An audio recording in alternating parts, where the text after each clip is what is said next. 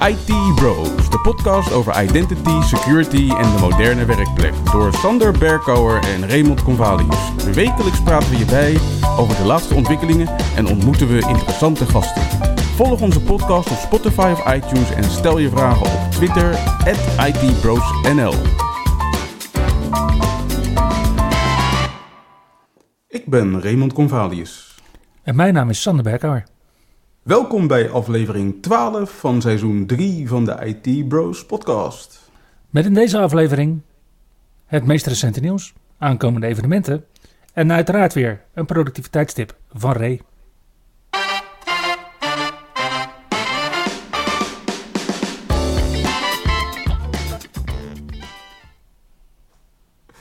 Uiteraard starten we deze week weer met het recente nieuws over Windows 11. Afgelopen week werden we weer getrakteerd op een aantal builds voor de Windows Insiders. Onder andere in het Developer Channel kwam op 22 maart beeld nummer 23419 uit. En wat is daar dan nieuw in, uh, Ray? Nou, als jouw machine beschikt over ondersteuning voor USB 4, dan zit er een USB 4 settingspagina in bij de instellingen. Oké, is het de eerste keer dat ik hoor over USB 4? Was voor mij ook nieuw. En de seconden in de taakbalk, die al enige tijd beschikbaar zijn in het Canary Channel, die zijn nu Mhm. ook beschikbaar in het Developer Channel. Ja, en verder waren er diverse fixes voor het Developer Channel. En in het Canary Channel kwam er op 23 maart ook een nieuwe beeld uit. En dat is beeld nummer 25324. Mhm. En die kreeg een nog groter widgetboard. Want hij was nog niet groot genoeg. Inderdaad. Nu met wel drie kolommen. Oké, en Ook gaat, daar hij al, kwam, gaat hij al over de helft van het scherm heen? ik denk het wel, ja, als je scherm niet heel breed is. Wauw, oké. ja. Verder zit er nu ook in de Canary Channel ondersteuning voor USB 4. Verder hebben ze het gebruik van, tenminste de waarschuwingen voor het onveilig gebruik van wachtwoorden hebben ze uitgebreid. Ik weet niet of je dat Mhm. nog weet. In de 22H2 beeld van Windows 11 hebben ze een waarschuwing ingebouwd voor als je wachtwoorden hergebruikte op een phishingpagina, dat je Ja. wordt gewaarschuwd als je die in ging intikken. Nou, dat hebben ze nu ook voor copy-paste, die waarschuwing. Dus dat is nieuw wat dat betreft. Super. Iets anders wat je ook wel mooi zal vinden, dat is ondersteuning voor SHA versie 3. Nou ja, ja, jij noemt het SHA-3. Maar kijk, stiekem, stiekem is SHA-2 natuurlijk gewoon SHA-256. En is SHA-3 natuurlijk gewoon SHA-384 en 512. Maar goed, Maar het, eh het, het, het bek lekker toch, SHA-3? ja, ja, in ieder geval nog eh, geavanceerdere encryptieondersteuning in Windows 11. Dus vanaf de nieuwe Canary Channel beeld. Kijk, en ik zeg dat wel hè. Van ja, eigenlijk is het gewoon SHA-384. Eh, maar het is wel echt verschillend van SHA-1 en SHA-2. Hm. Dus ik vind het wel, ik vind het een hele goede, goede ontwikkeling. Kijk, we zien nu ook steeds meer vanuit het NCSC dat er op standaarden wordt gedrukt. Waardoor bijvoorbeeld ook wordt aangegeven, eh, en er zijn meerdere instanties die dat doen, welke sleutellengte je moet gebruiken voor certificaten. Mhm. We zijn natuurlijk al een tijdje van SHA-1 af en dat ging nou, redelijk soepel misschien wel. Ja, ja, best wel. Vooral als je het vergelijkt met het uitfaseren van Internet Explorer. En nu met SHA-3, ja, ik denk dat we dat binnenkort wel gaan zien vanuit regulerende instanties, dat daar meer op gaat worden geduwd. Maar ja, ze kunnen er nu ook op gaan duwen, nu de ondersteuning officieel in Windows terechtkomt natuurlijk. Ja, ja. En dan zit het officieel in Windows. Ja, dat is hetzelfde als toen ze zeiden van... hey, kijk, TLS 1.3 zit in Windows en Windows Server 2022.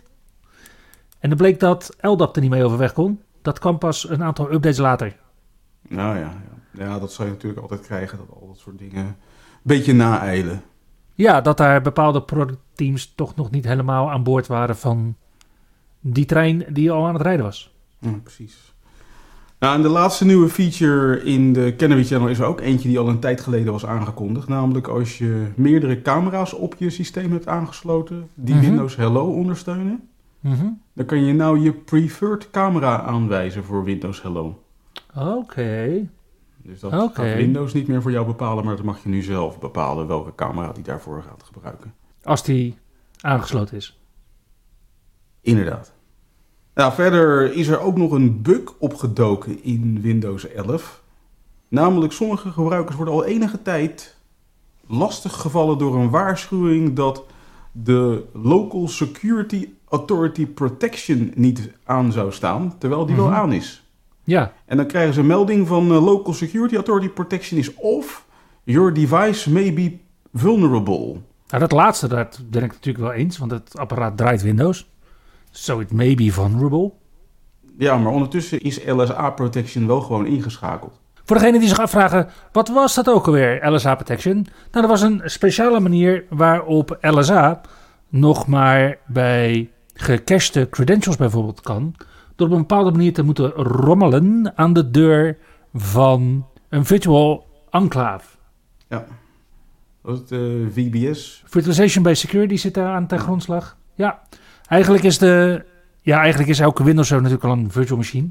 Maar dan zie je dus dat elke virtual machine nog eens een virtual machine is in zijn eigen virtual machine. Ja. Of, en het is misschien wel heel pijnlijk voor VMware, dat elke Windows Server installatie met Virtualization Based Security aan een Hyper-V VM is op VMware.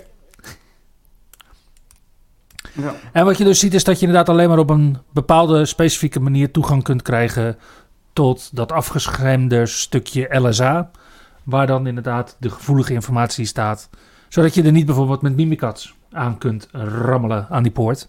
Dan krijg je gewoon 0 op request. Nou, er gaan natuurlijk een hele hoop mensen stijgeren op het moment dat er dat soort meldingen verschijnen.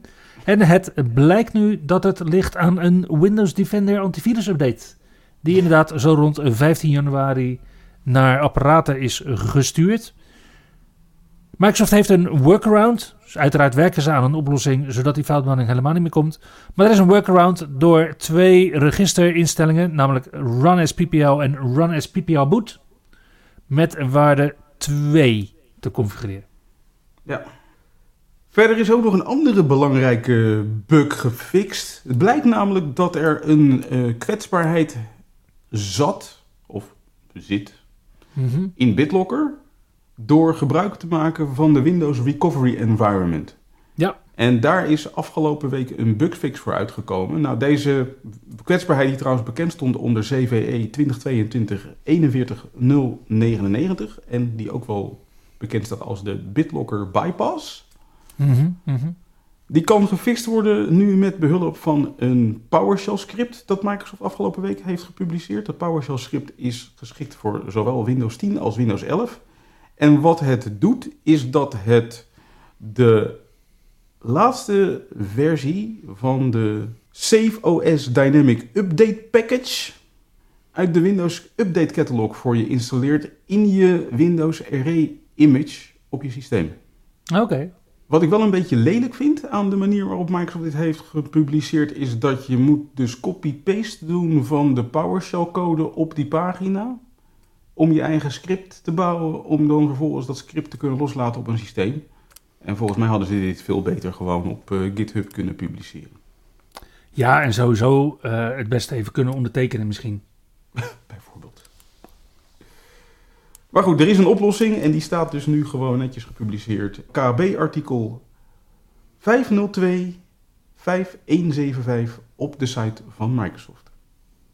Daarnaast is Microsoft natuurlijk ook nog bezig met een aantal verbeteringen in Windows 11. En een van de verbeteringen die nu is aangekondigd is dat eindgebruikers meer controle krijgen over hoe applicaties worden vastgezet op je systeem tijdens installaties. Of je bijvoorbeeld een icoontje op je desktop erbij krijgt of in je taakbalk van tijdens de installatie. Mhm. En hoe applicaties omgaan met de defaults voor bepaalde bestandsextensies. En het hele idee is dus dat eindgebruikers daar gewoon meer controle over krijgen. Dus bijvoorbeeld als een applicatie zichzelf wil vastzetten op je desktop of in je taakbalk, dan Mhm. zou je daar expliciet toestemming voor moeten geven als eindgebruiker tijdens de installatie. En anders krijgt die applicatie daar niet zijn icoontje bevestigd. Een ander dingetje wat bij mij eigenlijk altijd een heel vervelende is geweest, volgens mij al sinds Windows 10, is namelijk dat als jij default applicaties wil aanpassen Mhm. voor bepaalde extensies, dan moest je dat altijd min of meer zelf handmatig doen in het control panel. Ja. En daar hebben ze nu eindelijk, eindelijk, eindelijk hebben ze daar een deep link voor bedacht. Dus. Applicatieontwikkelaars die kunnen dus nu gewoon met een deep link aangeven van ga hier naartoe om voor de extensie van mijn applicatie aan te geven dat dit je default applicatie moet worden voor mijn extensie. Oké. Dit is allemaal nog niet, maar het is wel aangekondigd voor de preview versies die in de komende maanden uit gaan komen van Windows 11. Dus zeg je daar dan mee dat Microsoft dit als een soort teaser aangeeft voor de Moment 3 update? Ik denk het wel, ja. Ah, Oké. Alright. Nou, als we het dan toch over updates hebben. We hebben natuurlijk de Moment 2 update net gehad. Mhm. En we hebben natuurlijk een hele hoop nieuws ook over de nieuwe Canary-versies van Windows besproken. Maar wat we nog niet hebben besproken, en dat heeft Microsoft nu ook bekendgemaakt, is dat de C-updates en de D-updates gaan verdwijnen. De C-updates zijn optionele non-security updates, waar beheerders alvast mee kunnen vooruitkijken of problemen worden opgelost waar ze mogelijk tegenaan lopen op werkplekken vooral en op Windows Server, om te testen of dat daadwerkelijk oplossingen biedt. En wat wij al best wel vaak zagen was dat die C-update meestal niet in de derde week kwam, maar in de vierde week. En wat Microsoft nu heeft aangekondigd is dat dat vanaf nu eigenlijk altijd die vierde week gaat zijn. Dus veel meer richting het eind van de maand. Zodat je inderdaad ook echt in de maand van de Patch Tuesday zelf, die ja, eigenlijk een beetje leeg aanvoelende anderhalf tot twee weken voorafgaand aan de Patch Tuesday. Tenminste, zo voelde me dat voor mij. Ik vond het heel Mhm. lang de afgelopen twee maanden duren voordat we een Patch Tuesday hadden. En ik zag ook in agenda's van sommige beheerders dat het ook niet helemaal lekker liep. En dan heb je ineens twee pizzaavonden in de serverruimte. Ja. Nou, daarnaast gaat Microsoft het ook niet langer de C-updates of D-updates noemen, maar daadwerkelijk optional non-security preview releases. Een andere preview die Microsoft eh, deze week bekend heeft gemaakt zit in Microsoft 365 Defender in de Mhm. vorm van custom detections. Wat ze daarin hebben gedaan is best wel heel leuk. Ze hebben wat ze noemen near real-time custom detections geïntroduceerd. En dan Mhm. moet je je dus voorstellen dat stel dat er een nieuwe kwetsbaarheid ergens opduikt, dan is er vaak zeg maar al bekend hoe het aanvalspatroon eruit ziet van die nieuwe kwetsbaarheid. Maar is er soms nog geen patch uitgekomen. Ja, En wat je dus nu kan doen, is dat je binnen Microsoft Defender kan aangeven van als je iets ziet wat aan mijn voorwaarden voldoet, alert dan een trigger, of stuur een notificatie, of zorg voor een respons zodat die aanval meteen wordt uitgeschakeld. Dus dan kan je sowieso zeg maar custom aanvallen als hele nieuwe aanvallen Mhm. meteen op jouw eigen voorwaarden voorkomen. En dat werkt zowel voor Microsoft 365 Defender in mail als voor je endpoint als voor Microsoft Defender voor Identity. ja, omdat ze nu allemaal geïntegreerd zijn in het Microsoft 365 Defender portal. Inderdaad. Nou, dit is nog preview, dus eh, Microsoft heeft graag dat je hiermee begint te stoeien en Mhm. Microsoft daarmee ook van feedback gaat voorzien. Nou, als je dit nog niet door hebt gehad, afgelopen week heb je volgens mij onder een steen gelegen, maar Microsoft heeft Loop in preview gebracht. Ja, En Loop, dat hebben ze vorig jaar al uitgebreid gehyped. Was dat niet al tijdens de Ignite-conferentie dat dat... Ja, ja, zeker. gehyped? zeker. Precies. Loop bestaat dus uit de zogenaamde Loop Components. En dat zijn dus ja, stukjes document die je kan delen binnen bijvoorbeeld je mail of Teams of OneDrive of SharePoint. Die dan meereizen of meer mee kunnen reizen met verschillende documenten en met je mailtjes mee. Maar wel altijd up-to-date zijn met de laatste informatie. Precies. Ja. En nou ja, dit zit dan in zogenaamde .fluid of .loop bestanden. En vanaf de afgelopen week kan je dat dus aanzetten op je eigen tenant. Door het aanzetten oftewel in een cloud policy. Oftewel met een SharePoint PowerShell commando. En met die policy kan je er dan dus voor zorgen dat de loop components voor je eindgebruikers beschikbaar komen in Microsoft 365. Je kan eh, vrij makkelijk aan de slag door gewoon te surfen naar loop.microsoft.com.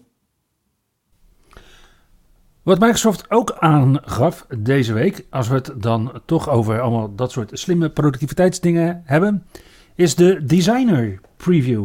Ja, En zoals ik het lees, is Designer AI voor plaatjes. Ja, nou ja, ik was een van de gelukkigen de afgelopen week dat ik een eh, invite heb gekregen op 18 maart. Mhm. Om eh, deel te nemen aan de preview voor Designer. En Designer is inderdaad precies dat. Je kan dus op een webpagina aangeven wat voor plaatje je wil hebben. Mhm. En dan wordt er eigenlijk een soort van commerciële uiting voor jou aangemaakt. Met gelijk vier of vijf versies. Zodat je meteen kan kiezen. En wat ik merk, dat geldt eigenlijk voor al dit soort grafische AI-toepassingen, is dat we moeten een nieuwe skill gaan aanleren. We moeten gaan leren hoe we heel secuur de requirements omschrijven van een plaatje. En ik moet je zeggen dat, nou, voor mij is dat echt een hele nieuwe. Ik bedoel, ik kan best wel heel aardig googlen, zeg maar, zoeken Mhm. op het internet. Maar heel secuur een plaatje omschrijven, zodat er precies uitkomt wat ik wil. Dus even een nieuwe koek. Ja, precies. Nieuwe skill. Nou, die ehm, plaatjes kunnen dus gegenereerd worden. Dus je kan zeggen van nou, eh, doe mij een plaatje van een blauwe schoen die eh, gevlekt is en eh, op, een, op een houten vloer staat of zoiets dergelijks. Maar je kan ook je eigen basisfoto uploaden. Dan wordt het plaatje en de commerciële uiting daaromheen door designer voor je gegenereerd. Alright. En als luisteraars aan de slag zouden willen met deze Designer Preview? Eh, je kan gaan naar designer.microsoft.com. En het schijnt dat er op dit moment geen wachtrij meer is. Dus als je wilt deelnemen aan deze preview. Dus dan kan je je gewoon registreren met je Microsoft-account en aan de slag gaan. Ah, Oké. Tijdens aflevering 49 van seizoen 2, en dat is toch al best wel een tijdje geleden, spraken we over de EUFI-deurbellen. Waarbij we zagen dat er op servers in China afbeeldingen werden opgeslagen. Die waren opgenomen door deze apparaten. En Anker, het moederbedrijf achter EUFI, gaf aan dat deze beelden bedoeld zijn voor het trainen van de AI om personen te herkennen die voor de deurbel staan. Het probleem was alleen dat deze beelden ook gewoon blijven staan als het account bijvoorbeeld wordt verwijderd. En dat deze beelden zonder authenticatie kunnen worden uitgelezen. Het was toen de tijd voor Linus Tech al de reden om afscheid te nemen van Anker als sponsor. Maar nu zien we dat er wat meer claims zijn neergelegd bij deze fabrikant. En wat we verwachten is dat er diverse rechtszaken zullen volgen. Nou, die zijn er al. Dus je kan eh, onder andere de de- details van eh, drie rechtszaken die lopen, kan je nu al volgen. En ja, ik denk niet dat Euvi nog heel veel van haar deurbellen verkoopt op dit moment. Want eh, er is echt wel een ja, storm losgebarsten. En, en ja, gewoon diverse incidenten. Ook bleken bijvoorbeeld beelden te zijn verstuurd naar verkeerde eigenaren. Dus dat jij beelden ontving van een camera die niet bij jouw huis hoorde. Alright. Het grappige is dat mijn buurman twee deuren verderop eh, toevallig eh, vorige week eh, zo'n ding heeft opgehangen. nou ja. Ja, dus het nieuws bereikt niet iedereen.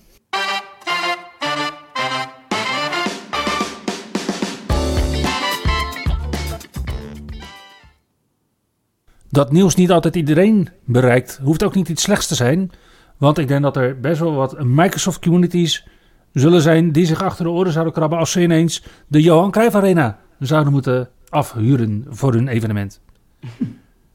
Zo groots is het voor de vier evenementen die we de komende week zien nog niet. Alhoewel Microsoft Secure op dinsdag 28 maart. En het is dan van half vijf 's middags tot half elf 's avonds onze tijd. Maar gewoon half negen tot half drie in Redmond. een nieuw evenement waar security professionals ervaringen kunnen opdoen, kunnen leren, maar ook ervaringen kunnen delen om met de nieuwe Microsoft Security producten meer te doen met minder. Als je op uh, 28 maart aan iets anders toe bent, dan kan je besluiten om met Microsoft een workshop bij te wonen hoe je succesvol kan migreren van ADFS naar Azure AD.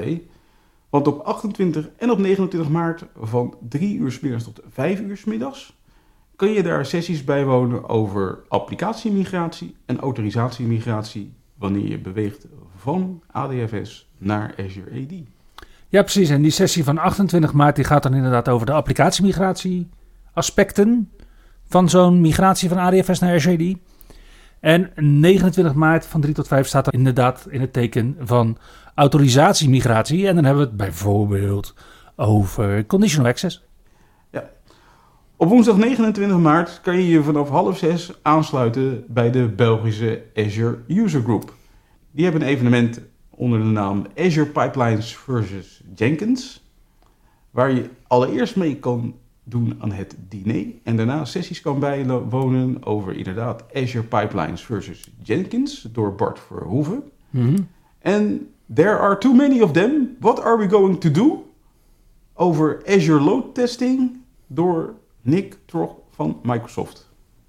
Ja, dat is een, een fysiek evenement inderdaad in Antwerpen. De andere twee evenementen zijn virtuele evenementen. En mocht je dan nog een evenement zoeken om fysiek bij te wonen, dan zou je naar een evenement kunnen gaan van iShare. iShare die heeft een community binnen hun organisatie, die heet de Modern Infra Knowledge Hub. En ik moet gelijk denken aan die mooie beige Tricom apparaten uit 1998 eh, circa. Maar dat is het dus niet. Want wat zij organiseren op donderdag 30 maart van kwart over vijf middags tot 8 uur s avonds is een kennissessie over Identity and Access Management, Azure en Identity Governance door Christopher van den Berg die bij iShare werkt. Nou, vanaf kwart over vijf is er dan inloop, vanaf half zes bikken. En om half zeven begint Christopher een beetje met, uh, met babbelen. En dan om acht uur is er een afsluiting. En dit evenement vindt plaats in. Sorry. En dit evenement vindt plaats in Bunnik.